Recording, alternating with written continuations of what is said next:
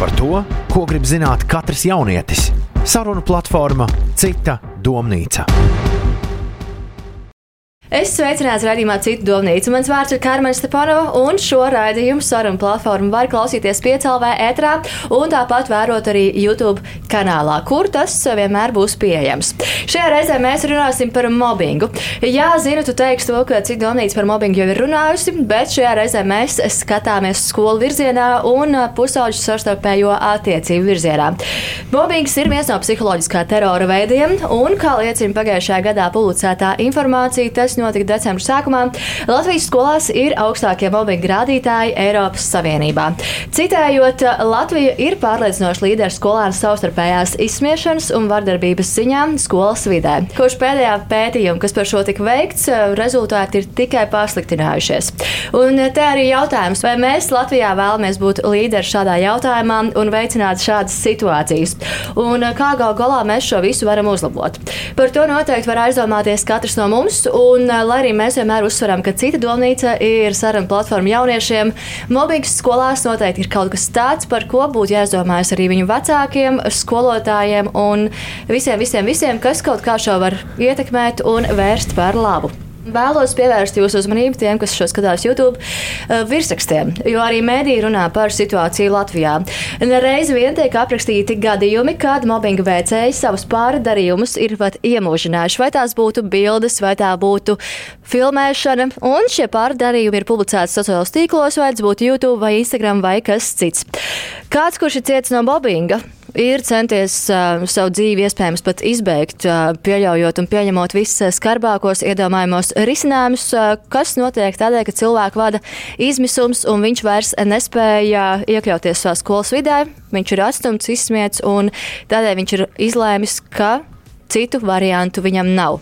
Tāpat, protams, te jāuzsver, ka ar pieaugušo arī iespējams nevienmēr ticis runāt, runāts, nevienmēr varbūt šis cilvēks ir uzklausīts, bet problēma ir aktuāla un, kā jau minēju pašā raidījuma sākumā un ievadā, tad Latvijā mēs esam pārliecinoši numur viens.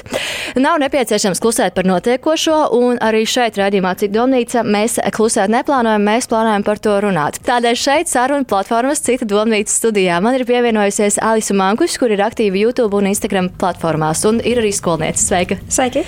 Tāpat šeit arī Jāgaunas Spīdolas gimnāzijas skolotājs Matīs Rihards Vilcāns. Sveiks! Sveiki! Māca ekonomiku un, un komercdarbības un audzina 7. klasi. Un šeit ir arī Māra Miķelsone, kura nekautrējās nākt uz šejienes dalīties ar savu pieredzi, kas nav gluži kā cietēja loma, bet ir pārdarītā loma. Un par to mēs noteikti arī runāsim šajā raidījumā, jo mobbinga gadījumā ir ne tikai cietējs, bet ir arī līdzstāvētāji un ir tie, kas šo mobbingu veids. Sākot ar vienkāršāko un iespējams arī kādam sarežģītāko, kāda ir jūsu pieredze skolas vidē ar mobbingu? Man liekas, ir sanācis būt pilnīgi dažādās vidēs, jo es, es vispār nāku no Saldus, un es līdz 9. klasē, klasē mācījos samērā mazā skolā, Saldus pamatskolā, pēc tam uh, vidusskolas laikā trīs gadus biju Rīgas valsts pirmajā gimnāzijā. Nu, laikam, var teikt, tur tās atšķirības diezgan lielas bija. Un tagad uh, vakar speciāli parunāju ar saviem, savu audzināmo klasi, uh, kā tad ir Jelgavas Spīdolas valsts gimnāzijā. Um, nu, laikam tās atšķirības, kas uzreiz iezīmējās, ka mazākās skolās, īpaši līdz kaut kādam noteiktam vecumam, teiksim, līdz tai septītai klasei, un ja īpaši, ja tā nav valsts gimnāzija, es tā nopratu, ka tā situācija krietni sliktāka nekā lielākās skolās, prestižākās valsts gimnāzijās. Tā man izklausījās. Tā es pats esmu pieredzējis. Kas iespējams ir tas tieši, ko pieredzēji brīdī, kad tu no tādas mazākas skolas pārvācies uz uh, ģimnāziju, kas ir Rīgā?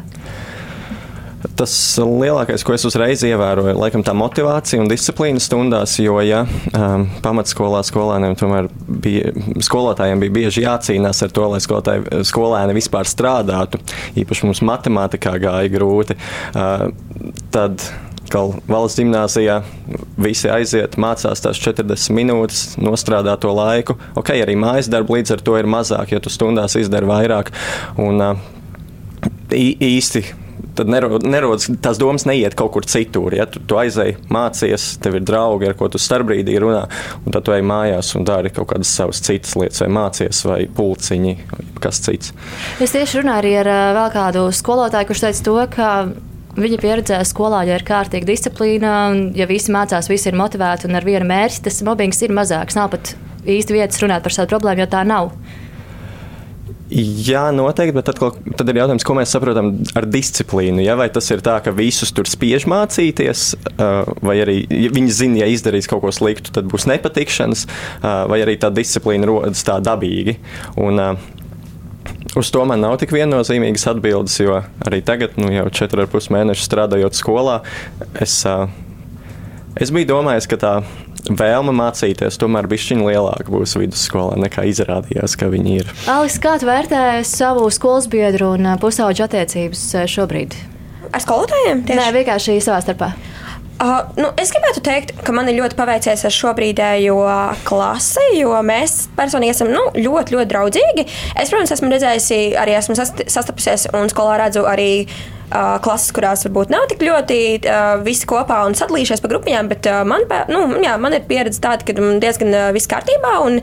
Šobrīd es teiktu, ka es nesaskatu īpaši nekādu apspiešanu, vismaz neredzam.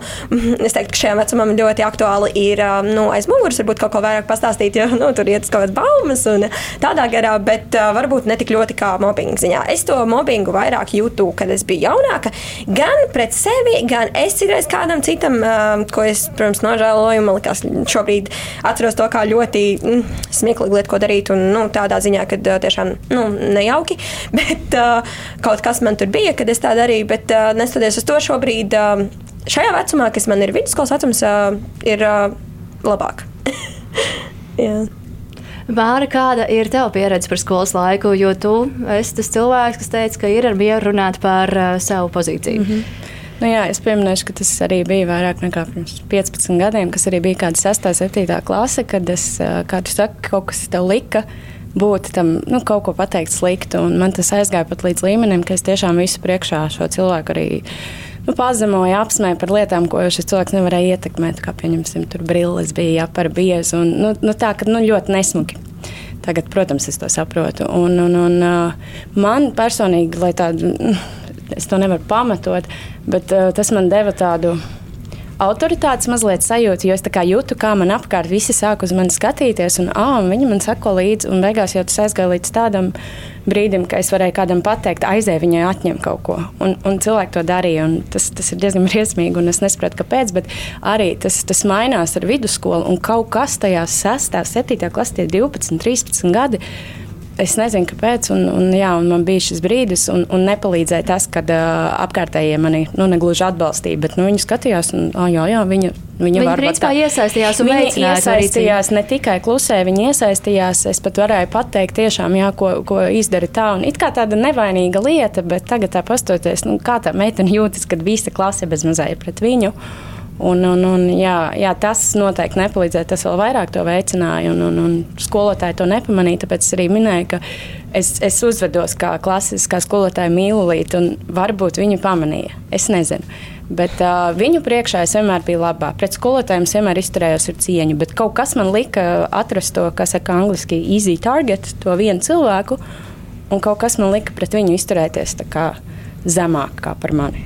Jūs abas minējat eh, to, ka tas ir kaut kas, kas liek to darīt. Vai jūs nekad neesat atskatījušā, atskatījušās un domājuši, kas varētu būt tas uh, pamudinājums, vai tā ir vēlme vienkārši kaut kā parādīt sevi vai. Uh, es, es esmu par to domājis diezgan daudz, un es nevienu negribu vainot. Tu tomēr pats izdari savas izvēles, tie ir, tas ir normāls vecums. Bet um, varbūt, varbūt tikai tur nostrādāja man, piemēram, mazās māsas sindroms, kas ir. Es nesaku, man māsa neko tā slikti nedarīja vai ko, bet atrodoties viņas bariņā. Es biju tā sīkā, pret kuru kā, nu, nu, arī apsmēju bišku. Varbūt tas bija tas, kad aizjūt uz skolu, man gribējās arī to pašu piedzīvot. Es, es nekādā veidā viņas nevainoju. Es nesaku, ka man bija slikta māsa un viņa draugi. Es, es domāju, ka varbūt arī tas, jo es neteiktu, ka man ģimenē kaut kas bija tāds, kas man liktu slikti izturēties pret cilvēkiem. Man tika mācīta cieņa un, un viss.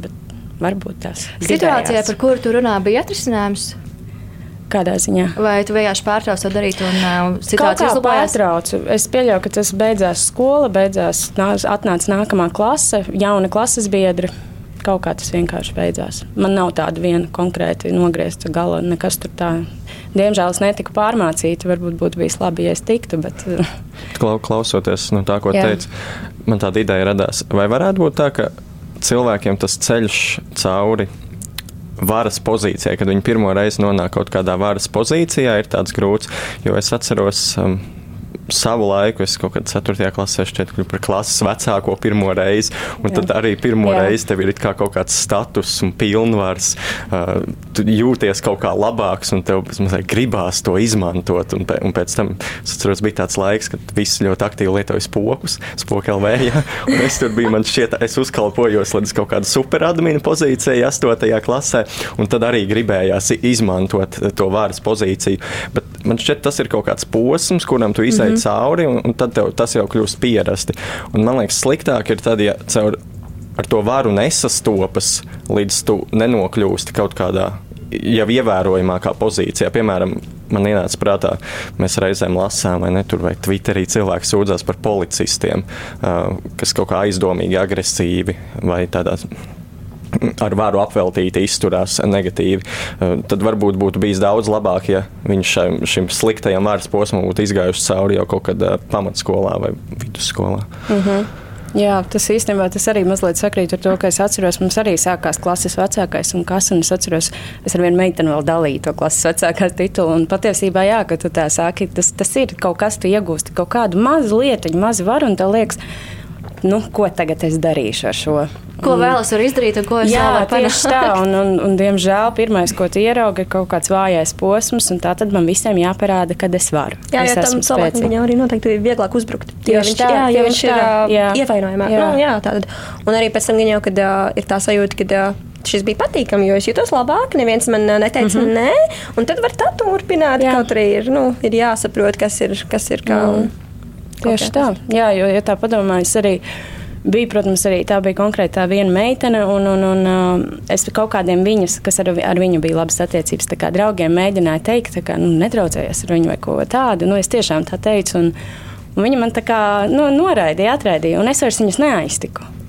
Un, un, un, nu, protams, tā meitene nav vainīga, viņa man nerunāja pretī. Arī labi vien ir, un lai viņa pastāv par sevi, bet uh, es varētu pamudināt. Nu, nebaidīties runāt pretī. Jo bieži vien, ja tu pateiksi kaut vienu vārdu, nē, ej prom tam cilvēkam, kuram liksies, ka viņš ir varonis, viņam varbūt tas tieši tas būs tas, kas viņam parādīs. Piedod, jā, jā à, nu labi, tad neko. Tā vairs nebūs tā prieka sajūta. Ja, tieši tā, tieši tā, un viņš pats jutīsies mazliet apkaunots. Tā būtu visdrīzāk. Kā jūs domājat, kādēļ bieži vien ir eh, vieglāk uz šo mobbingu, uz šo pazemošanu, apcelšanu noskatīties no malas, nevis iesaistīties? Kā tu saki, nevis pateikt, eh, nedari tā, viņam eh, nerīkojas, kādēļ ir cilvēku grupa, kas var vienkārši stāvēt un pat nekliegt, varbūt dari to vai nedari to, vienkārši stāvēt, noskatīties un nevienam nekad arī nepateikt to, ka šāda situācija ir izveidojusies. Man jau liekas, ka uh, ir tas, kad ir bail, kad pret tevi var vērsties. Pirmkārt, ja tu aizstāvi kādu, un ja arī tu kaut kur dziļi saproti, ka nu, tas nav pareizi, bet uh, tu esi tajā vietā, tu, esi, tu neesi aizskarts, tu jūties labi. Un, manuprāt, kad, uh, vienkārši ir tā baļu sajūta, ka, ja es kaut ko pateikšu, arī pret mani vērsīsies. Un, un varbūt, ja tu esi draugos ar tiem cilvēkiem, kas apsmē, uh, tad arī viņi zina kaut kādas tavas vājās vietas, un tad uh, beig, beigās nu, tu nebūsi, nu, tu arī tiksi tādā veidā, tiks viss sagriezts pret tevi, jo kā tu uzdrošinies kaut ko teikt, jo viss līdz šim ir bijis labi. Nu, tādā veidā man kaut kā šķiet, ka iespējams ir tā tās šaubas, ka eh, beigās tev arī būs grūti. Un jā, tā varas sajūta jau pār citiem ir nu, tādā ziņā tā diezgan spēcīga, un tev ir grūti pateikt, nē, ja tu zini, ka eh, darot kaut kā pāri, tu jutīsies nu, spēcīgāks, un tev neviens nevarēs ievainot. Nu, man tā liekas. Bet vai nav tā, ka kopumā cilvēki nu, pēc dabas nav ļoti aktīvi un neiesaistās visur, kur vien var. Nu, ja mēs bieži runājam par kaut kādu jauniešu līdzdalību politikā, vai varbūt cik daudz cilvēku atnāk uz klases vakaru, varbūt lī, tas pats attiecas arī, kad mēs redzam kaut ko nepareizu. Tā tad viena ideja, bet, bet kas varbūt reālāk, ka cilvēki bieži vien. Um, nezina, kas ir tā pareizā atbilde vai kā vajadzētu būt. Jo es tagad atceros nu, tos pašus pamatskolas laikus. Mums arī bija viens klases biedrs, ko nu, savā ziņā mēdza izstumt vai apcelt. Um, Bet es atceros, ko es tad mēģināju nodomāt, nu, ka viņš pats it kā uzvedās tā, ka viņš uzprasās reizēm, lai viņu apceltu. Un, nu, es nezinu, kurš nu, droši vien jau mēs apkārtējiem bijām vainīgi, bet tajā brīdī izskatījās, nu jā, nav labi pret viņu tā darīt, bet, bet kāpēc viņš tā dara? Jā, es, es piekrītu arī tas, ka, ja tie ir tavi draugi, kas apceļ, ka viņi negrib tā kā tev runāt, jā, pretī, pirmkārt, bail, kad pavērsīs citus pret tevi, un otrkārt, jā, viņi nezina labāk, viņi ir tavi draugi, viņi domā, nu, tad jau dara pareizi kaut ko. Nu, nu, viņi arī, nu, protams, nevar vainot līdz galam arī tos līdzstāvējus. Un arī, protams, jo lielāks bars, jo grūtāk kādam ir kaut ko uzsākt. Jo mums, kā vispār latviešiem, arī vienmēr ir tas, nu, ja jau neviens neiet, tad es arī to nedarīšu. Ko tad es, ko tad es tur jaukšos? Jā, un tas arī ir grūti. Ja ir kaut divi, trīs cilvēki, tas dažreiz vieglāk. Un, jā, lielākoties jau tas ir tāpēc, ka tu jau nodibinājis tās attiecības ar tiem cilvēkiem, un tad tu redzi, ka viņš, tavs draugs, šajā gadījumā, piemēram, mēs dara kaut ko sliktu, un tu domā, nu, nu, nu labi, nu, lai dara. Nu, nu jā, tas tajā arī vecumā. Tu nezini labāk. Klau, bet nav saki. tā, ka tieši draugiem būtu vieglāk pateikt, vismaz pēc tam. Man liekas, ka tu darīji nepareizi, nevis svešam cilvēkam. Varbūt, jā, bet tajā brīdī viņš arī negribēs savu draugu tā kā, nu, iegāzt. Jā, arī jā, iegāzt. Var, būt, var jau būt, protams, ka pēc tam kāds būtu kaut ko pateicis, un tas arī ir atkarīgs no tā, kāds ir tas draugs un vai viņš par to aizdomājas. Varbūt viņš nemaz par to pēc tam nedomāja. Tas ir arī ļoti atkarīgs no personības. Bet man liekas, jā, tajā brīdī, ja, ja tu zini, ka tas ir tavs draugs, tad tā īsti viņam neko neteiks tajā brīdī. Un tas ir skumīgi. Bet, uh, tā ir tā taisnība. Ir. Un arī noteikti no vecuma atkarīgs, jo īpaši, esi maziņš, tie nemaz nezini, kāda īstā jā. draudzība, kādai viņai ir jābūt. Un mm. tev liekas, nu, ja draugs dara, tad es daru. nu, mm. Ko nē, ja draugs dara, kāpēc lai es viņam aizlieku to darīt, vai kāpēc lai es viņam teiktu, tas ir slikti? Jā, tāpat kā teiks, nu, es nezinu, jā, tas, jo tad, kad tu paudzies, tad jau, protams, viss mainās. Bet tas īstais vecums, kad tas tāds mobbinga vielas, manuprāt, uznāk katra cilvēka dzīvē, tas tas ir, nu, septītā klase. Un tad noteikti varbūt vēl nav īsti skaidrs, kādai vajadzētu būt labai un, nu, veselīgai draudzībai draudzībai. Vai jūs paši esat kādreiz atvainojušies cilvēkiem, kam iespējams esat darījuši pāri? Laikam jau tā konkrēti piegājis klāt. Es nē. esmu. Es esmu atvainojusies, bet tagad, pēc pāris gadiem, esmu nožēlojis ļoti. Bet, uh, jā, tas man tiešām likās. Nu, varbūt es pat nezinu, varbūt nevajadzēja teikt, bet es jūtos tā, ka es gribu tomēr pateikt, lai no maniem pleciem ir nost. Es, es zinu, ka tas ir bijis sen, un tiešām nu, tad, uh, pirms nu, četriem gadiem. Tad mēs, es satiku to cilvēku, un tad es pat, pastāstīju. Un, uh, nu, ir viss kārtībā, bet jā, es jūtu nepieciešamību. Bet tas ir tikai tagad. Nu, noteikti ne tajā vecumā, kad tas nu, notika. Jā, jo tu jau tajā vecumā arī patiesībā nesaproti. Jā, jā nedomāju, tas ir slikti. Es tikai tā, ka tas, ko es daru, ir tik muļķīgi. Es tagad pastos, tas ir pilnīgi nejēga bija. Nu, jo nav taču tā, ka tu aizies mājās un vecākiem, jā, piemēram, teiks, es jā. šodien skolā mm, ar vielu šāvu tam un tam. Es, nu, es kā tas būtu savai māsai pateiks, jo es zinu, ka viņa man uzšaut un pateikt, aiziet tagad un atvainojies. Bet, bet, protams, ka es neteicu, jo es zināju, ka nu, tā ir mana lieta, tā ir mana vara. Jā, es arī samērā nesen atvainojos. Es vienkārši biju neiecietīgs un kaut kā nepadomāju. Ļoti vienkārši es, ne, es nepadomāju. Mm. Es nezinu, kāpēc, jo es parasti diezgan daudz domāju, un es tad nepadomāju un rīkojos slikti. Uh, bet šķiet grūtāk jau ir ar tām reizēm, kad nu, jā, kā jau es teicu, īsti nav skaidra tā pareizā atbilde, ka tā duāla situācija un, un šķiet, ka kaut kas nav pareizi, bet tur labākais risinājums būtu izrunāt. Bet es tā ievēroju, Alis, tu teici, ka, mm, ka kaut kā ar laiku mēs saprotam, kas ir pareizi. Bet es domāju, no kurienes tad uh, zināšanas nāk? Vai kāpēc ir tā, ka mēs bieži sakām, ka bērni it kā ir labi, viņi piedzimst labi, un tad viņus pasauli kaut kā sabojā? Es iedomājos tieši pretēju domu, ka um, kaut kāda emocionālā inteligence un iejūtība nav kaut kas dabisks, bet tas tikai izaug ar laiku. Tāpēc arī mazi bērni var būt bieži nežēlīgāki nekā nu, pieaugušie. Jā, patiesībā diezgan labs domu grauds, jo um, nu, tad, kad mēs esam nu, mazāki, mēs, mēs arī teiksim, manuprāt, aizejot uz skolu, īpaši, ja tā, ir, ja tā nav kaut kāda privātā skola, tad ir ļoti grūti mazam bērnam, nu, teiksim, jā, tā kā pirmajās klasēs saprast, kas vispār notiek, jo līdz tam nav būts tādā atmosfērā. Un tad, kā, manuprāt, maina tevi, mm, tavu visu attieksmi, vis, vis, manuprāt, gan tevi draugi, gan arī noteikti, kas notiek ģimenē, un kā tevi vecāki uz to rēģē. Jo man, teiksim, vecāki vienmēr ir kaut kā, manuprāt, jūtuši to, kāda, kur es esmu. Kā, jo, ja viņi, viņi, teiksim, zina, jo manā mamma arī tagad saka, ka tajā laikā es jūtu, ka, nu, tev nebija, jā, es saprotu, ka tev nebija draugi, un tu tikai apsmieti. Bet viņi saka, ka viņi arī jūt, ka es tomēr esmu apsmējis citu kādreiz. Tāpēc, un kaut kā vienmēr ir mēģinājis man pamācīt, rādīt priekšroku priekšroku, un es to ļoti novērtēju. Tāpēc es domāju, ka noteikti tas, kā mēs. Um, izaugam un mainām tās mūsu domas uh, uz kaut kādu situāciju, ir uh, atkarīgs no mūsu apkārtējās vides. Tieši tā, es arī iedomājos, ka tas ir no situācijām, ko tu pats pieredzi, kad es tagad esmu redzējis, un es daudz redzu no malas. Piemēram, tagad es neslēpšu to, ka es bieži vien esmu piesējusies bariem, nu, kad puiši tur apceļ vienu un otru. Un es, es tā arī esmu pieejama pasaku, tāpēc, ka man tas šausmīgi kaitina. Nu, es kā viņiem neko rūpīgi tur nesaku, bet uh, es redzu to no malas, un es redzu, kā, kā jūtas tas viens izstumtais, un tas ir arī tas, kas maina, jo tu to ieraugi pēkšņi no malas tu tur esi visu laiku bijis tā vidū, tā veicināties, un pēkšņi to redzi no malas, un tu saproti, cik tas ir nepareizi. Un tas līdz ar visu to, ka mēs augam palēnām, un, un tomēr tas prāts arī kaut kādā veidā kļūst prātīgāks. Tas kopā, viss kopums, manuprāt. Jā. Paldies jums uh, par visu, ko līdz šim esat pateikuši. Radījums ir Donīts dosies uh, dziesmas pauzē piecēlā vētrā, bet būsim atpakaļ pēc brīža un turpināsim runāt par mobbingu Latvijā un precīzāk Latvijas skolās. Saruna platformā Cita domnīca.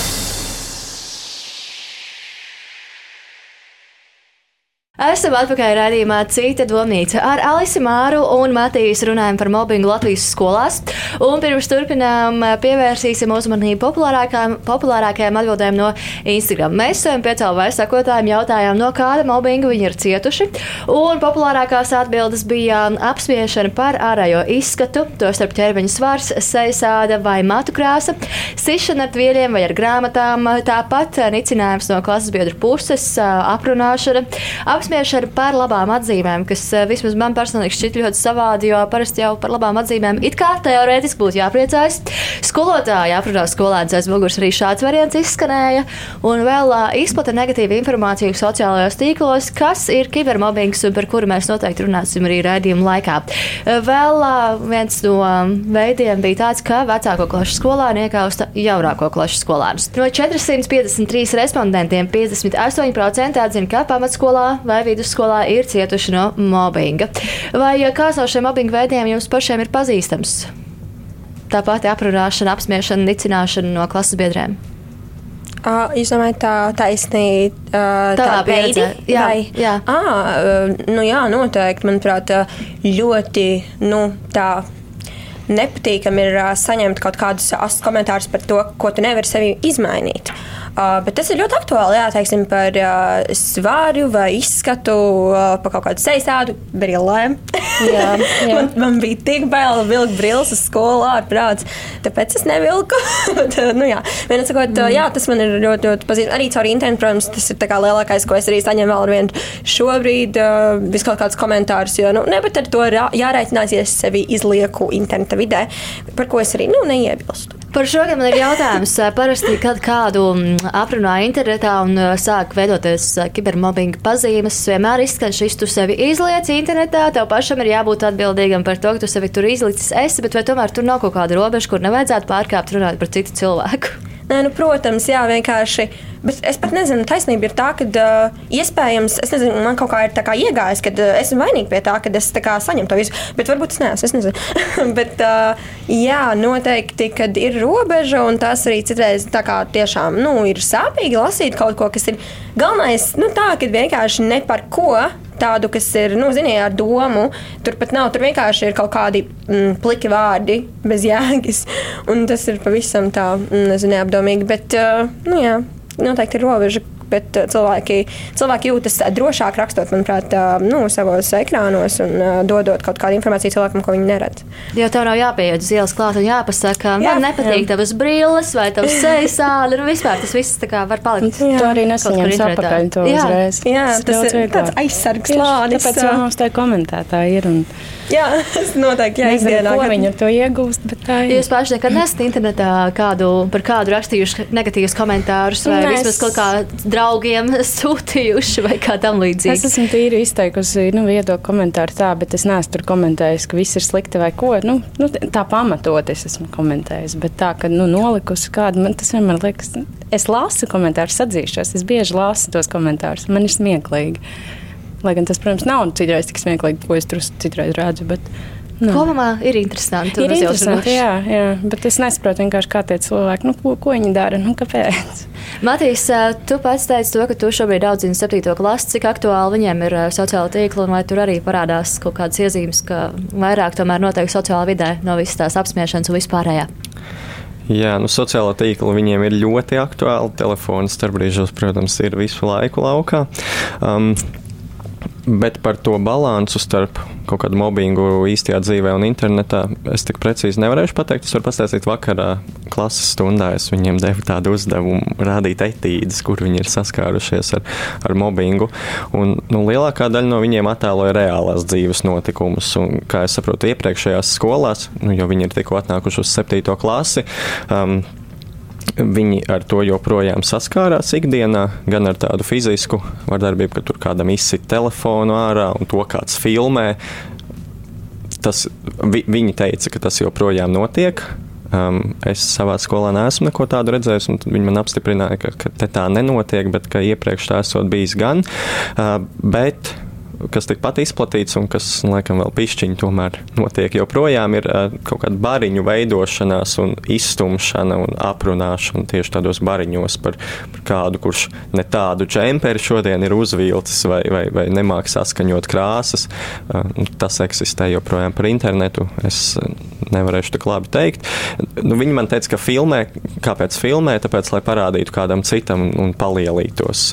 Uh, bet viņi teica, ka nu, netiekot nekas tāds publicēts, laikam jau saprot, ka nu, tas var atspēlēties pret viņu. Parasti šādu video var ceļot, piemēram, WhatsApp grupās. Jā, jā tad drīzāk tā. Tur arī dzīvot savu dzīvi caur dažādiem cilvēkiem pārsūtot. Pirms mēs turpinām citu domnīcu, pievērsīsim uzmanību psihoterapeits Madaras Pumpūras komentāram, un pēc tā noteikti atgriezīsimies arī pie sarunas ar saviem secinājumiem un komentāriem.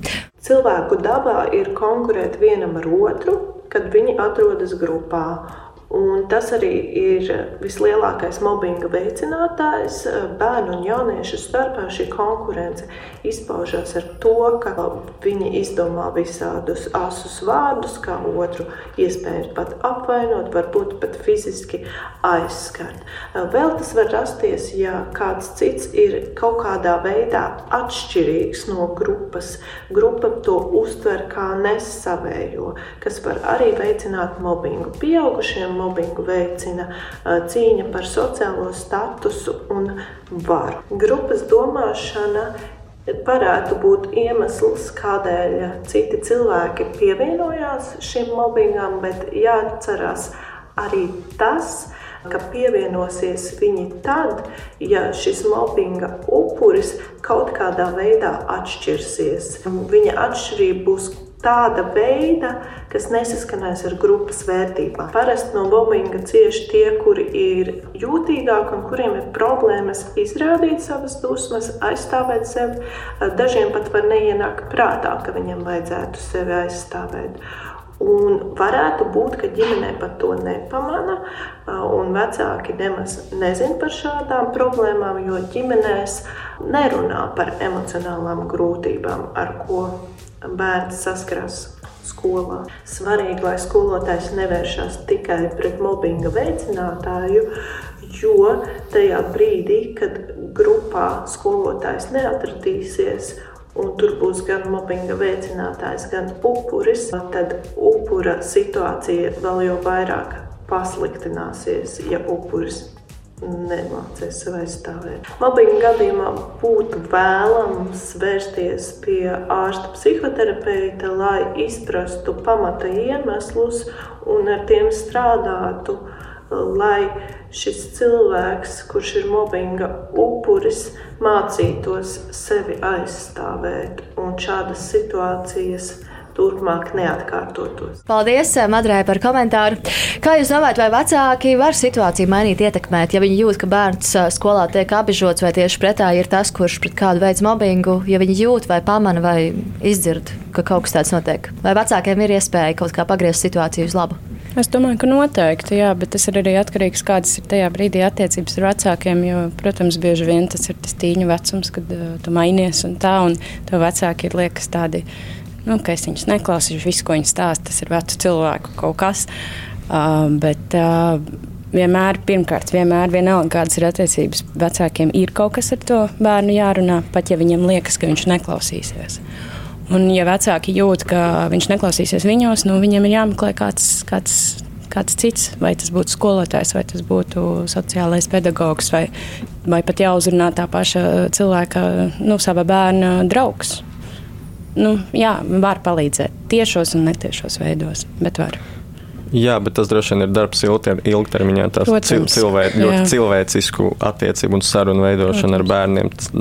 Vienā reizē neviens tā pēkšņi arī bērns nesāks runāt mm -hmm. un mhm. visu droši vien nestāstīs. Tā uzticības sajūta jārodas jau ilgtermiņā, kā arī ar saviem vecākiem. Es varu izrunāties tāpat kā ar draugiem. Um, Tāpēc varbūt bieži vien vieglāk ir runāt tieši ar kaut kādu skolas psihologu mm -hmm. vai sociālo uh, pedagogu, kas īstenībā man par lielu pārsteigumu, vismaz manā skolā, es nekad iepriekš to agrāk tā nebiju novērojis, īstenībā diezgan lielu lomu spēlē un aktīvi iesaistās pie katrām, nu, pat nelielajām problēmām, lai jau saknē novērstu kaut kādas lielākas uh, problēmas. Jā, šobrīd tiešām skolās, manuprāt, ir ļoti labi, kad ir tādas iespējas iet runāt, un arī nekas ne, netiek nosodīts. Jebkurā laikā var iet pie uh, psihologa. Nu, es nezinu, kā visās vai visās, bet uh, tā ir. Un, jā, es laikam par tiem vecākiem arī piekritīšu, ka viņi var iesaistīties, bet, manuprāt, tā ir ļoti slīdena lieta, jo mm, vecāki, nu, pirmkārt, jau bērni, manuprāt, pie vecākiem tiešām reti kad vērsīsies, jo īpaši tajā vecumā vecāki ir visnepareizākie. nu, tā, kad, mm. Tas, ko vecāki saka, ir viss, nu, jā, šķiet tā, ka viņi vispār nesaprot, kas notiek un vai viņi iet skolā. Bet, nu, jā, un tad bērniem vieglāk tiešām būtu runāt ar, manuprāt, tādu trešo personu. Jo vecākiem arī pirmkārt ir darbs un viss tas, un ziniet, kas man gan nepatīk, tas, ka, manuprāt, uh, citreiz ir tā, ka vecāki palaiž bērnu skolā, viņiem liekas, ka viss būs kārtībā, bet mm, daudzreiz uh, ir uh, redzēts, ka nu, īsti nemaz ne, nezinu, kā uzvesties citreiz, un arī viss tā apsmiešana, manuprāt, kaut kur ģimenē varbūt arī kaut kāda daļiņa ir pielikt klāt. Tāpēc, uh, manuprāt, vajadzētu mēģināt runāt, bet, uh, nu, vismaz kaut kāda celta mm. uh, tēma. Nu, vai vismaz jā, mēģināt risināt uh, uz priekšu. Jo nu, vienmēr kaut kas notiek bērnu dzīvē, manuprāt, un tad uh, jāmēģina saprast, vai tas ir labi vai slikti. Jā, tāpēc arī vienmēr saka, ka vecāki, ne, lai arī cik aizņemti jūs būt, esat, neaizmirstiet savam bērnam vienmēr pajautāt, kā tev gāja. Pat ja tas liekas kā tāds jau atstrādāts, kā tev gāja, bet varbūt arī kādā brīdī viņš tiešām atbildēs. Jā, un arī tāda piektā normāli. Jā, jā, tieši tā. Mm. Jā, jo citreiz arī tā, teiksim, kad uh, ir tā gadījumi, kad uh, nu, vissliktākie gadījumi, kad kāds varbūt atņem savu dzīvi dēļ uh, kaut kādām problēmām, tad arī, nu, jo tādos gadījumos vecāki nemaz nezināja, ka kaut kas notiek. Jā. Un uh, tur ir tā problēma, laikam, kad uh, nav, nemaz, nu, jā, nav nemaz bijis informācija, ka kaut kas ir slikti. Tā. Vai Matīs, vēl kas piebilstams? Mēs daudz runājam par to vecāku lomu un uh, ka Kā teica, ka Latvijā ir lielākais mobbinga. Jā, skolās uh, mēs esam pirmajā vietā mobbinga ziņā.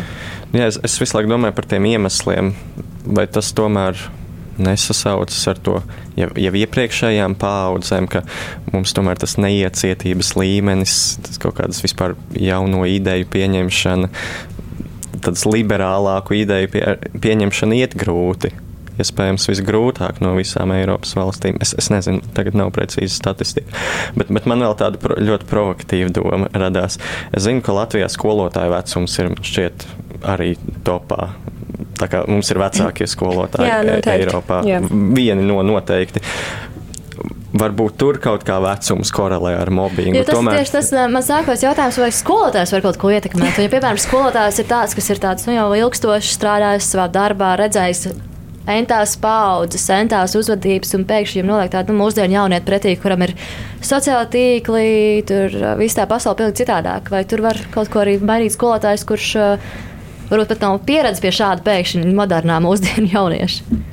Nu, jā, man laikam divas pretrunīgas pieredzes. Es no vienas puses domāju, varbūt tā, nu, vēl padomi laiku pieredze, tur tie, kas ir ģedaušķinu pieredzējuši, un, un vai ne skolotājs sit ar grāmatām vai lineāli pa pirkstiem, kas tik nav Tas dzirdēts. Laiks, kad skolotāji bija ļoti daudz kā to iespēju. Jā, nu, tiešām jā, tā, tā vara, tā vara skolotāja rokās visa. No vienas puses varētu domāt, ka šādi skolotāji kaut kā vēl veicinātu to mobbingu. Tajā pašā laikā, nu, cik es saskāros tieši pie vecākas paudzes skolotājiem, bija lielāka disciplīna, un līdz ar to nebija vispār iespēju, kur rasties. Uh, Tādiem konfliktiem savā starpā. Tas nebija iespējams, jo viss tika turēts tādos grožos.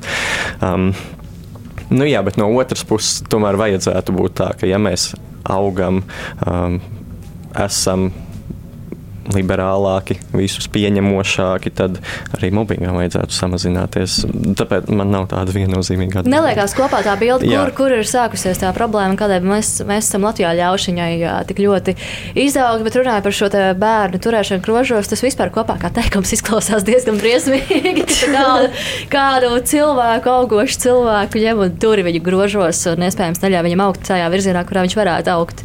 Bet tas droši vien atkal ir cits jautājums, jo mums bija arī citi domnīca par skolotājiem un skolāriem, kādas tās atšķirības, tad tika arī norādīts to, ka mums ir šis padomju mantojums tomēr kaut kur atmiņā, un tas uh, reizēm vai uh, tīši vai netīši tiek pielietots arī uh, mūsdienu audzināšanā. Mārķis, kā domāju, skolotājs būtu redzējis to, ko tu dari, un tu nebūtu viņa acīs šī te, uh, ideālā skolniece, un viņš būtu tevi piebremzējis, varbūt tu nebūtu turpinājis veicināt šo mobbingu. Es domāju, ka tā noteikti būtu, jo arī tas, ko esmu ievērojis manā laikā, teikt, tas tomēr bija pirms jā, 15 gadiem. Nu, manā laikā mums tomēr pret vecākiem cilvēkiem, pret skolotājiem bija tā tā sajūta, nu, tā cieņas sajūta, ko esmu novērojis, ka aizvien jaunākiem bieži vien nu, viņi tiešām viņi runā, ka esmu redzējis, kā viņi runā ar pieaugušiem cilvēkiem. Nu, es nesaprotu, kā man bija bail tā runāt ar pieaugušu cilvēku. Tāpēc es domāju, ka vismaz nu, manā gadījumā, jā, ja man skolotāji būtu to pateikusi, es būtu nobijusies. Es to nedarītu. Bet tas arī ir. Es nezinu, varbūt jūs varat minēt, kā ir tavā skolā, bet vai nav tā, ka pret skolotājiem izturas aizvien kā tu saki, brīvāk, nu, tā, ka nu, brīvi runā, mm -hmm. ko, ko domā.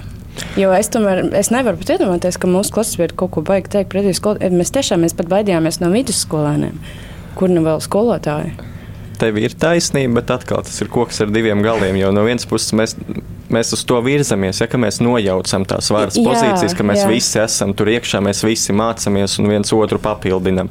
Bet nu, tad ar to nāk kopā tas gan labās lietas, gan reizēm sliktās lietas. Jo nu, kaut kāds troksnis stundu laikā vai beidzot novākt tos telefonus vai, vai neskatīties viņos ik pa laikam.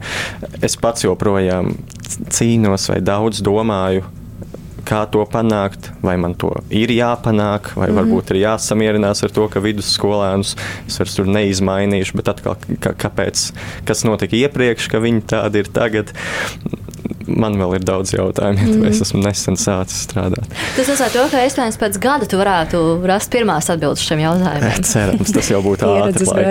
Pieredzes gaitā radīsies secinājumi. Jā. Paldies Rīgas Reģiona universitātes praktikantiem, kuras apkopoja arī populārākos bobbinga veidus skolā. Mēs esam daudz par tiem runājuši, arī piecēlvēs sekotāji ir dalījušies un uh, dalījušies savu pieredzē, un tad mēs varam uh, YouTube kanālā gan aplūkot, uh, gan piecēlvē ētrā dzirdēt, ka tie ir uh, jau iepriekš minētā izsmiešana, arī finansiālā stāvokļa stāvokļa dēļ joprojām cilvēki tiek izsmieti. Jā, fiziski pārdarījumi, grūstīšanās, sišana, ignorēšana, jo ignorēšana arī tomēr ir uh, agresija.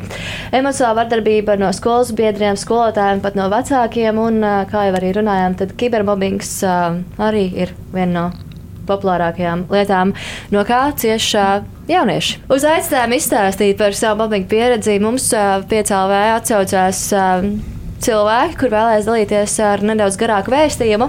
Un vienā no tiem uh, izskan sekojošs citāts. Pamatskolā izcīnīja savu vietu stilīgo cilvēku klubiņā.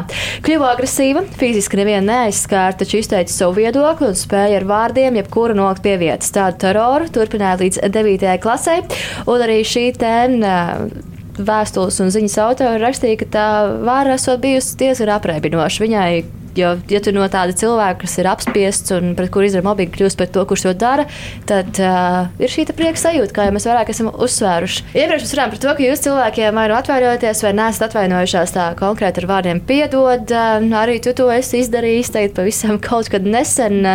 Kādēļ jūs, prāt, mobbinga veicinātāji un veicēji to nožēlo krietni vēlāk? Vai tā ir joprojām tā emocionāla brieduma? Lieta, ka tu pieaudz un tad tu saproti to, ka ir jānožēlo vai kaut kas pavisam cits. Jā, es laikam piekrītu. Tas ir, protams, emocionālais spriedums, un arī tas, ko es pirms tam minēju, tā pieredze, ka tu to ieraugi no malas un tu saproti. Varbūt cilvēks, kas ir, ir arī tādi, kas, kurus pat to, tas neietekmē, bet manā gadījumā, kad es redzēju no malas, nu, tiešām es sāku to vidusskolā vairāk redzēt.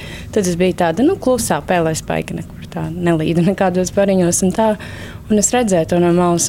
Tas, tā, es atceros, ka tas bija tas laiks, kad es sāku aizvien vairāk un vairāk par to aizdomāties un atcerēties. Un tagad jau cik gadi pagājuši, es visu laiku to atceros. Es, es to pašu cilvēku, pret kuru es to visu darīju. Ik pa laikam tajos pašos sociālos tīklos ieraugu, viņa viss ir kārtībā, viņa ir ģimene, viņa ir laimīga izstāsta, bet nu, es katru reizi ieraugu, un, un es saprotu, nu, kas tas vispār bija tajā laikā. Un es nezinu, tas laikam arī ir tas emocionālais kaut kāds. Tu pieaudz, tu saproti, kas ir labi, kas ir slikti. Man liekas, arī ka tā, kā, nu, tā, tā sajūta arī vieglāk ir, ja tu kā, esi nu, zini, atvainojies un pateicis, ka tiešām tā nu, nožēlo. Jo citādi kaut kā liekas, jā, tiešām tu ieraugi to cilvēku un visu laiku tāds ārprāts, nu, kā Un es tā tā ir, varēju. jā, jā. un tā, un tāpēc tad tev paliek tā mm. labāk. Un es pat nezinu, vai tam cilvēkam paliek labāk. Tāpēc tādā, tādā ziņā šķiet, ka varbūt uh, es tā kā darīju sautīgi, jo domāju par to, ka man būs vieglāk, jo tam cilvēkam ir kāds bija laiks, un tagad viņam zinot to, ka es biju pie vainas, nezinu, vai paliek labāk. Bet, uh, nu jā, kaut ko, kaut ko tas ir sliktāk jau tas, manuprāt, neko. Jā, vairs jau neko mm. nesagrabs jau nodarīt to Tā ir. atpakaļ. Tad vismaz sev palīdz arī. Mēs visi esam bišķīt jā. zeltīgi gal galā. Jā. Jā, es domāju, ka tas ir tikai pieredzes jautājums, jo mm, atkal atceros savus pamatskolas gadus. Es uh, visus deviņus gadus, nu, varētu teikt, biju zūbris, ja, ja mēs vēl lietojam šo vārdu. Uh, bet kaut kādā veidā. Uh, Es izbalansēju starp divām pusēm. Es turpināju labi mācīties, bet es rīkoju arī klases vakarus, un ar tiem varbūt klases nu, bosikiem, vai, vai tie, kas gribēja norakstīt no manis. Īstenībā es nezinu, kāpēc man bija tāda izpratne par intelektuālo īpašumu, bet es arī īstenībā norakstīt nedevu gandrīz nevienam. Bet tajā Kā pašā laikā. darīt, ja kāds grib norakstīt? Jā, nu es nezinu, es, bet man izdevās izbalansēt. Un, un tajā pašā laikā man bija tā doma, bet kā nu, es atradu veidu, kā var nedot norakstīt, bet kā nekļūt apsmietam. Un kāpēc citi nevar? Nu, man tagad būtu kāds jāizstāv, nu, lai viņi paši izdomā, kā izkulties no šīs situācijas. Un tas par to ne, vēl atgriežoties pie tās neiesaistīšanās. Um, es kaut kādā veidā domāju, ka es esmu labāks. Ja, ja jau es varēju, tad jau visiem arī uh, tā vajag būt. Atkal pāris gadi paiet tas rodas kaut kāda cita pieredze, kuras arī saprotu, kā ārēji apstākļi ietekmē, un bieži vien cilvēks pats nemaz um, nenosaka to, ko viņš dara pilnībā. Uh, nu, lūk, tagad es vairs tā tāpēc nedomāju. Saruna platforma Cita domnīca.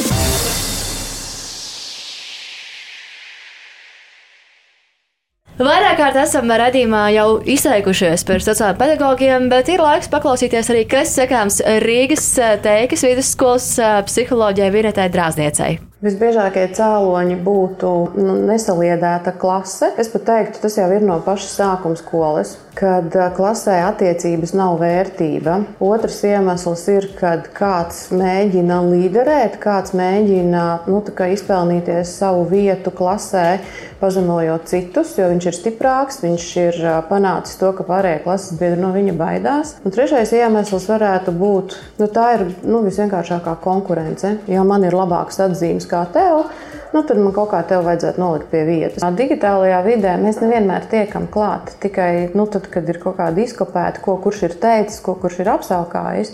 Jā, nu, tur mums paldies, nu, kā paldies vecākiem, ka viņi iesaistās. Citreiz arī pats bērns ir atnācis un parādījis, nu, ka pret viņu ir šāda sāraksta vērsta. To e-vidī Diemžēl mēs tur nu, kā pieaugušie nevaram. Un tad ir jāiedrošina pats bērns, nāc un saki. Un arī tad, kad mēs rājamies ar moberiem, tad uh, mēs arī viņiem ar kolēģi sakām, ka, zini, tad, kad tev vajadzēs aizstāvīt, mēs aizstāvēsim tieši tāpat kā šobrīd to, jā, kuru, nu, kuru tā kā. Uh, un tad mēs arī jautājam, kurš pret tevi ir vardarbīgs klasē. Ja? Citreiz tam ir ķēdes reakcija, un tas, kurš ir vardarbīgs, ir pats kaut kur cietis. Mājās no citiem draugiem visādi. Ja, un viņš to mēģina izrēģēt. Tie, kas ir jūtīgāki un kuriem tā, tā dzīves enerģija ir mazliet mazāka, nu, tad tie var aiziet vegetatīvās distonijās, tad tie var uzsēsties uz, uz diētām, tad tie var aiziet um, narkotiku lietošanā. Nu, respektīvi, skaidrā prātā tā dzīve nav izturama, nu, tad es varu aiziet prom. Viņš arī var palikt ā, nu, dzīvē tāds upuris, neveiksminieks. Viņš to lomu pieņem, to savu sajūtu viņš pazīst ļoti labi, viņš zina, kā tajā ir. Diez kas nav, bet dzīvot var, un šis ir tas, kas man ir droši, kur es zinu. Un es neiešu tur mēģināt sevi tur, aizstāvēt vai kaut kā citādāk pierādīt, ka nu, pats savu to pieņēmumu par sevi laust. N- Neuzsvērt tieši, ka tas ir skolas uzdevums, es teiktu, ka tas ir vispār sabiedrības uzdevums. Kā vecākiem mājās iemācīt saskarsmi, saskarsmes kultūru, cieņu, toleranci. Arī bērni saka, ka klusējošais vairāks. Viņš saka, mēs neiesim sūdzēties. Un tad es viņiem minu piemēru tā, ka pagaidiet, ja jūs redzat uz ielas notiek kautiņš vai nedod Dievs kaut kādu slepkavību, jūs zvanat policijai, tā ir sūdzēšanās vai tā ir palīdzības meklēšana. Tā kā palīdzēt viņiem šīs lietas saprast, kur ir sūdzēšanās, kur tu meklē palīdzību un kur tu iesaisties pret lietām, kas notiek nepareizi un cik tu esi godprātīgs godprātīgs, cik tu esi nu, līdzatbildīgs attiecību veidošanā. Un tas ir ļoti drosmīgi. Un te ir svarīgi nu, to sūdzētāji, ja, pateikt, ka ļoti paldies, ka tu nāc un saki. Paši skolēni var aiziet gan pie klases audzinātāja, un, ja mums ir izveidojušās uzticīgas attiecības, tad viņš arī saka, ka parasti skolotājs ir tas, kurš klases audzinātājs, kurš ir piefiksējis, un šajā ziņā ir jāsaka ļoti paldies kolēģiem, kas arī ir vērīgi un kuri arī reaģē. Tiešām ir daudzi skolotāji, kuri ir tik pārņemti ar savu priekšmetu mācīšanu un skolas ikdienu, ka viņš ir Viņš pat neaizdomājās par to, ja viņš arī tam nepievērš tik lielu uzmanību. Ja tu esi cilvēks un tu nezini, kurā klasē mācās, piemēram, Lējā, bet tu redz, ka viņa riktīgi kaut kas tur nav veselīgi, ka tur kaut kas ir toksisks, kā mēs to mēdzam teikt. Tu vienkārši pieeji klāt un paprasti, kā tev sauc, kurā klasē tu mācies. Un tad tu vari aiziet pie skolas atbalsta personāla vai pie savu klases nu, vai pie tā klases audzinātājiem pateikt, nu tur kaut kas nebija forši. Tu tā kā paliec tajā krēslas zonā. Ja? Un arī tad, ja bērni nāk un saka, tad uh, mēs sakām, jūs varat būt droši, mēs nenodosim, no kurienes mēs zinām informāciju, un to viņi zina. Un tāpēc viņi arī ir iedrošināti ka viņi var nākt un teikt. Kāda ir jūsu komentāra par dzirdēto, vai ir kas tāds, kam jūs piekrītat, kas tāds, kam uh, tomēr nevēlētos piekrist? Uh, nu, viņa daudzkārt apstiprināja to, ko mēs iepriekš runājām, kāpēc tas notiek un tā, un labi pateica par to, ko bērns uzskata par sūdzēšanos ka bieži vien viņš domā, nu, es taču nesūdzēšos, nu, ko es tur es būšu, tas stukačs vai kā, nu, ja tā vēl saka arī. Ka tiešām, jā, varbūt tas arī būtu vecāku uzdevums iemācīt bērnam to atšķirību starp sūdzēšanos un palīdzības meklēšanu. Tas, tas tāds, kas man tā aizķērās, kas ir diezgan arī svarīgi. Lai viņš saprotu, ka nu, tā nav sūdzēšanās, tu tiešām meklē palīdzību. Ja cilvēks ielas nokrīt, tad piezvanīja, kā viņi teica, piezvanīja kādam ātrījam vai policijai. Viņš nesaka tev pretī, kur tu sūdzējies. Man tas ir sajūta, ka mēs baidāmies pat to izdarīt. Mūsu sabiedrībā mēs redzam, kādu nokrišanu. Var jā. teikt to, ka jā, tu to izdari, nekas nebūs. Uh mhm. -huh. Bet mēs redzam kādu, kas ir aizmidzis pieturā vai nokritis. Mums nav tā, ka pirmā doma būtu pirmā palīdzība, uh mhm. -huh. tās sniegšana, pārbaudīšana, vai cilvēks vēl elpo, vai palīdzības saukšana. Vienmēr uh mhm. -huh. mēs kaut kādā mērā gaidām, ka kāds cits to izdarīs. Jā, un tas, jā, tas, jā. Es, Nu, jā, vienkārši jā, tas ir tas jautājums, kāpēc, kāpēc mums vispār tā ir. Jo arī pieaugušiem cilvēkiem tieši tas arī ir. Kāpēc, vai tas varbūt arī ir saistīts ar vēsturi? Tas jau, protams, dziļāk, ka mēs, nu, jo toreiz tā bija stūdzēšanās, ja tu kādam kaut ko pastāsti. Bet nu, tā jau cita tēma. Es lasīju nesen tieši rakstu par to, ka cilvēki drīzāk nepalīdzēs kādam, kurš, kādam, kurš nezinu, vai, vai nu nokritis vai ievainots ir sabiedriskā vietā.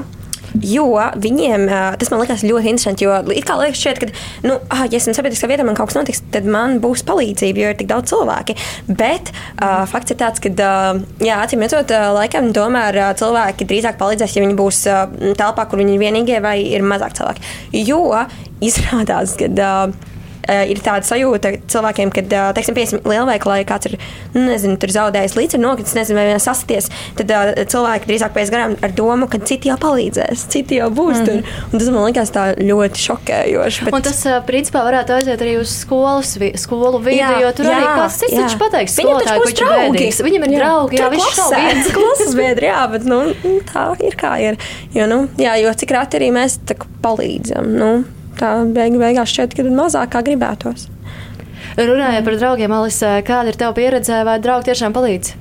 palīdz kādā situācijā. Ja tev, piemēram, apceļ vai draugi ir tie, kas aizstāv, kas pateiks, ka nesaka par viņu tā vai tam līdzīgi? Nu, manuprāt, mana pieredze man ir uzbūvējusi tā, ka šobrīd man sejā neviens īsti man neapsmēja. Vienkārši es pat nezinu, kā, bet uh, es kaut kā nu, neļauju sevi apsmiet. Es nu, ne jau tādā ziņā, ka es kaut ko daru kādam citam pāri vai, vai iebiedēju, bet uh, vienkārši es uh, nu, tā kā par sevi var pastāvēt, bet, ja man kaut kas ir uz prāta, tad es noteikti vēršos pie nu, savas labākās draudzenes, kas man ir uzci, uzticības persona, bez kuras es nevarētu.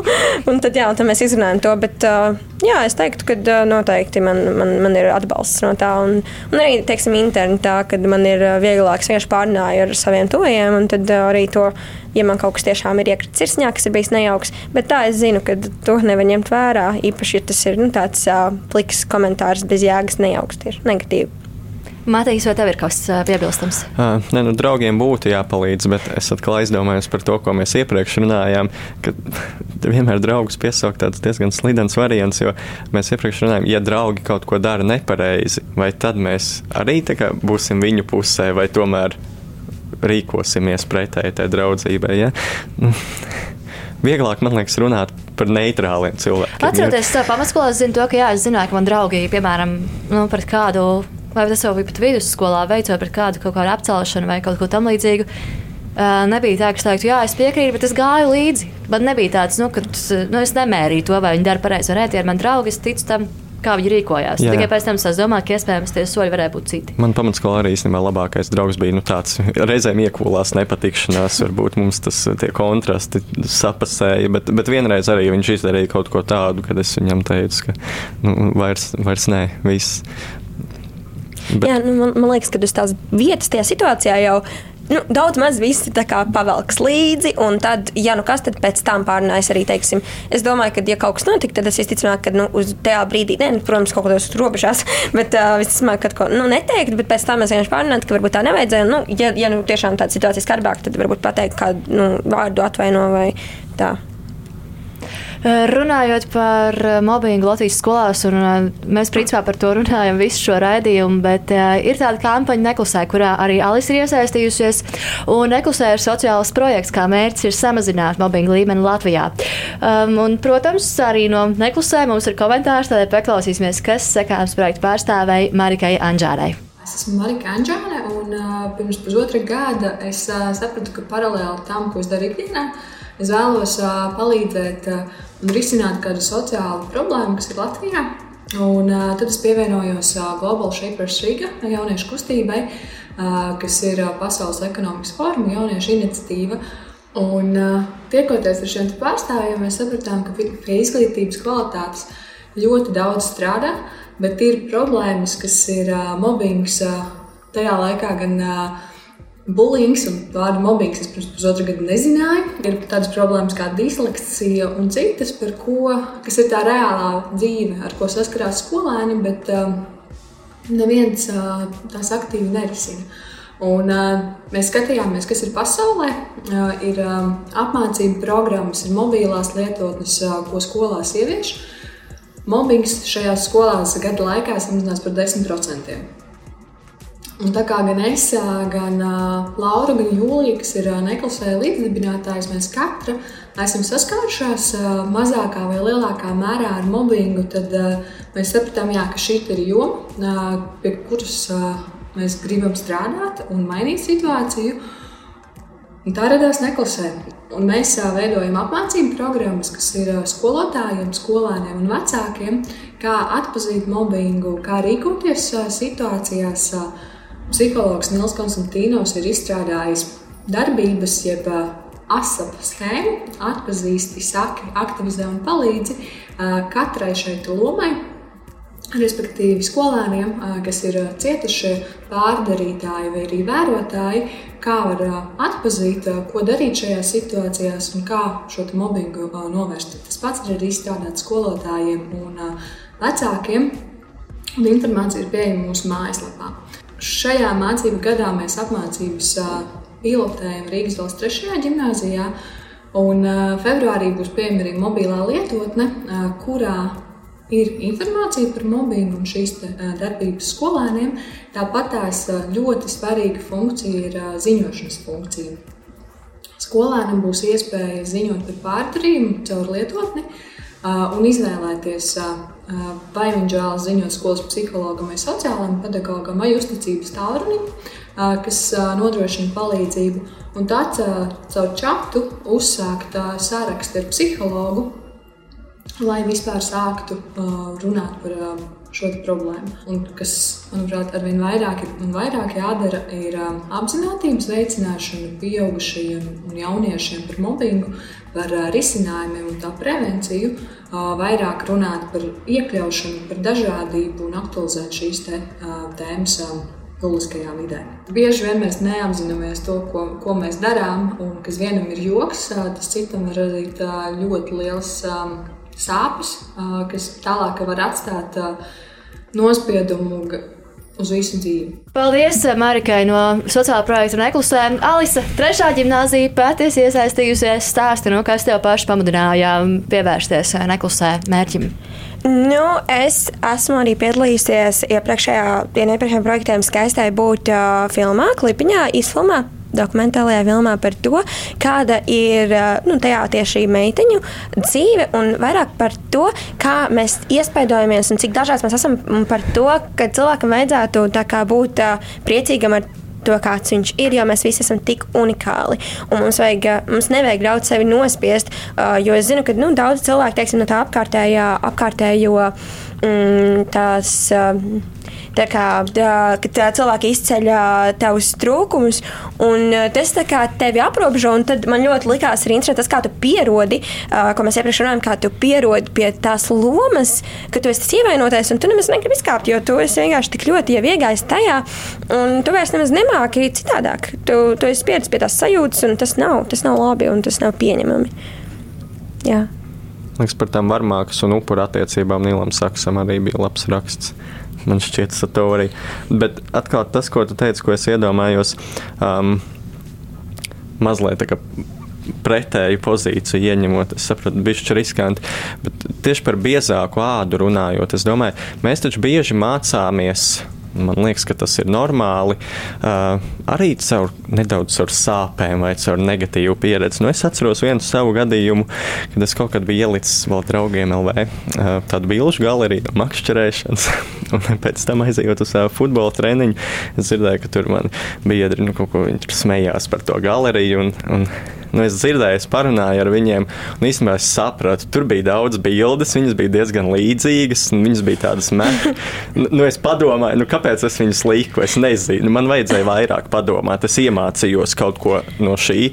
Nu, varbūt tas bija mobbings, bet, bet Bet, bet tas, tā, tā ka visas tās bildes tev priecēja. Tu gribēji jau visas un parādīt to, ka tev bija izcils uh, makšķerēšanas piedzīvojums. Nu, es nezinu, atskatoties, es noteikti neliku tik daudz, es pēc tam tur daļu izņēmu. Vai visi, kas ir lietojuši draugam LV, 5 vai 10 gadus pēc tam, saka, to visus nelikt iekšā un to vispār nerādīt. Nē, nu, tur ir vecumam atbilstošs galerijas, bet tas bija par daudz. Jā, bet mēs kaut ko iemācāmies reizēm arī. Un tur baigi uzmanīgi jāskatās, lai nav tā, ka jebkura augšana, kas reizē reizēm ir sāpīga. Mums nesāk šķist, ka tas ir kaut kas negatīvs. Jā, bet tā pašā laikā nevajag aizmirst, ka tas, kas to dara, tomēr tas, tas neattaisno to, ka tas nav pareizi. Jā, jā protams, to var labākā no tā, veidā nokomunicēt. Jā, protams, protams tā var, un, bet diemžēl mēs esam acīm redzot nokļuvuši līdz tam, ka tas, kā mēs audzējam šo biezāko ādu, ir saņemot kritiku no citiem.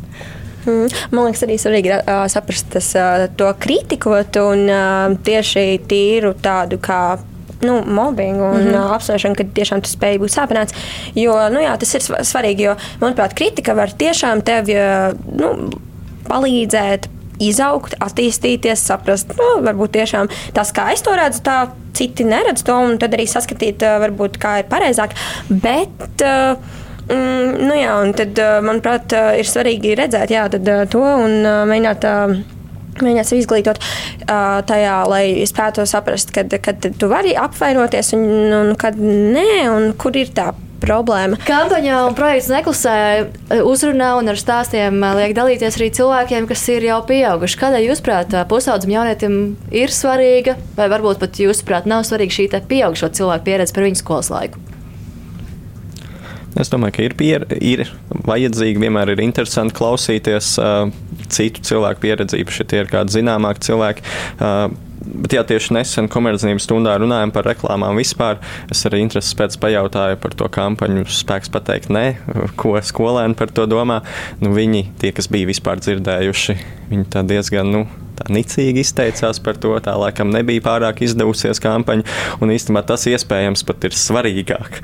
Es domāju, nokomunicēt to labi, jo tur rodas tas pretējais. Ja viņiem ir tādas, eh, skolēniem tāda sajūta, ka viņiem kaut ko mākslīgi tā nekvalitīvi cenšas mācīt, tur tā pret, pretreakcija pat var rasties. Un, uh, Nu, mēs skatījāmies dažu labu sociālo reklāmu pieredzi. Tad es rādīju to žilets reklāmu, kas pret vī, ar vīriešiem asociēta stereotipiem. Um, Lai gan es zinu, ASV viņi izsauc tādas dalītas jūtas, bet viņi piekrīt, ka tā ir laba sociālā reklāma. Um, nu, ja to dara, tam jābūt ļoti kvalitatīvam, manuprāt. Jā, es varu piekrist, ka nu, bija tur tādā diezgan uh, maza līnija starp to, ka uh, cilvēki. Nu, tiešām tā pretreakcija, jo nu, tas bija kā joks. Manuprāt, arī citreiz es redzēju, varēju saskatīt to, kā cilvēki vienkārši pasmēs nedaudz par to, un kad, nu, kad tas vēl tā kā veicina to, un nu, nebija tā, ka, nu, nē, es tas, protams, dažās situācijās, bet jā, es varēju saskatīt, var piekrist tam, kad tas spēja atsist apakaļ kaut kādu. Jā, arī viņiem būs tas, ka viņi pasmiesies, piemēram, un viņi domās, nu, tas taču nav priekš manis vai ko. Uh, jebkurā gadījumā viņš to sadzirdēs un par to tiks runāts. Un tas, tas ir tas, kas ir jāatceras. Vienmēr liekas, tas taču ir lieki, tas nav vajadzīgs. Bet, ja, ja tas nebūtu izdarīts, tad par to vispār nerunāt. Un bieži vien tā jau ir, ka nu, antireklāma tomēr ir reklāma. Un, nu, Ir, jā, ir, tas ir svarīgi. Nu, nevar viss būt tieši precīzi, nevar arī visi trāpīt viņiem. Nu, mēs vispār ir tik grūti saprast, kāds ir mūsdienu jaunietis puses. Tas ir grūti. Un, vismaz pamēģināt, un ja jau viņš par to runā, ja viņš kaut kā par to smejas, tas, tas jau ir kaut kas. Ja Bet, viņš protams, to jā, jā. podziņu kaut kādā veidā. Jā, lai nav tā kā tu saki, lai nav pretreakcija. Protams, jā. tas jau ir, nu, tā ir tā līnija, kam to ir pāri, bet līdz kamēr tas nav. Un, Protams, jā, par to ir arī jārunā un, pieaugušiem un jāmēģina uzrunāt jaunāki. Mēģināsim uzrunāt arī tos, kuri ir jaunāki. Bet šajā brīdī piecēlā vētrā jūs uzrunās mūziku, un tad cits domnīgs būs atpakaļ ar dažiem secinājumiem. Saruna platformā Cita domnīca.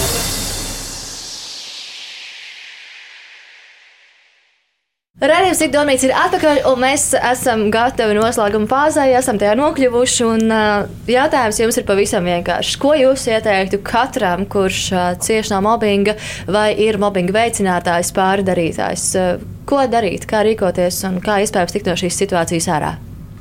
Nu, es laikam teiktu, ka uh, ko es ieteiktu tam, kurš cieš, ir runāt, runāt un vēlreiz runāt. Uh, vai nu vērsties pie cilvēkiem, kas viņam ir. Uh, uz kur, kuram viņš spēja uzticēties. Vai arī, ja ne, tad ir dažādi tālruņi, kuriem var zvanīt un tiešām runāt 24 stundas diennaktī, kurus noteikti var izmantot, tos var atrast internetā. Un par to nav jākaunās. Tas, tikai, tas mums padarīs tikai stiprāks. Jo, ja mēs no tā mācīsimies un uzsvērsim to kā mm, kaut ko no kā mēs paņemam informāciju un mē, mēģinām nu, kaut kā. La, tikt pie rezultāta, kaut kā atrisināt, tad arī tas mums tiešām palīdzēs. Bet, ja mēs ļausim cilvēkiem sev spiest virsū un nu, jā, apsmiet, tad tas arī pēc tam um, nāks atpakaļ, un tas nebūs tikai posms, jo tas var ieilgt. Un tas ir nopietni, un jā, mēģināt vienkārši par to runāt un nekaunēties. Es varbūt tam veicinātājam vairāk ieteiktu, pirms tu kaut ko izvēlējies izdarīt tam, tam upurim, tā saucamajam. Um, vienkārši pajautā savam draugam, blakus esošajam vai lielākajam māsai brālim. Nu, pa, pasaka, ko tu taisies darīt, un pajautā, kā tev šķiet, vai man to darīt. Nu, tas ir tik vienkārši, bet nu, pajautā, un tu redzēsi uzreiz to atbildi. Ka tev pateiks, priekš kam. Un tikai tad tu varbūt sapratīsi, vai ne? Bet tas ir no sērijas. Tikai tad, tikai tad tu sapratīsi, ka kāda jēga, kāpē, ko, ko tur iegūst? Pilnīgi neko. Un es varu pateikt, ka viss, ko iegūst, ir sirdsapziņas pārmetumi. Un viens tas īsais brīdis, izgaistošais ar to prieku, jā, vāru, kurš principā nu, sastāv klasē, varbūt kaut ko nozīmē, bet viņš neilgs īpaši ilgi. Pilnīgi neko, un citi cilvēki vēl pie tam tev atcerēsies visdrīzāk, kad, ā, es atceros šito te, kas visu laiku tur apcēla vienu. Nu, tas ir nu, vienkārši, nu, kur, kur vēl vienkāršāk pateikt, tas pilnīgi neko nedod, tas ir tikai, tu dari ļaunu citam. Labi, tad mans lūgums un cerība vērst to apkārtējo virzienā. Jā, nejaukt sūdzēšanos ar palīdzības meklēšanu, ja ir kaut kas dzirdēts vai redzēts, ka notiek ne tā, kā tam jānotiek, meklēt palīdzību. Jo nav īsti ko zaudēt. Tu vari tikai kādam palīdzēt, kļūt par varoni. Tu neko sliktu neizdarīsi, meklējot palīdzību. Piekrīt. Paldies jums, paldies jums visiem trīs par to, ka bijāt šeit, redzījumā, cik domnīca. Paldies arī tev, ka šo skatījies vai klausījies, un paldies redzījuma komandai Artim Eglītim, Emīlam Trauliņam, Elzai Osmanai, Monikai Martinso un Rīgas Roļu universitātes praktikantēm Katrīnai Samantai, Elzai, Katrīnai Montai un Annai. Tiksimies nākamajā nedēļā jaunā citā domnīcā. Atā! Saruna platforma Cita domnīca.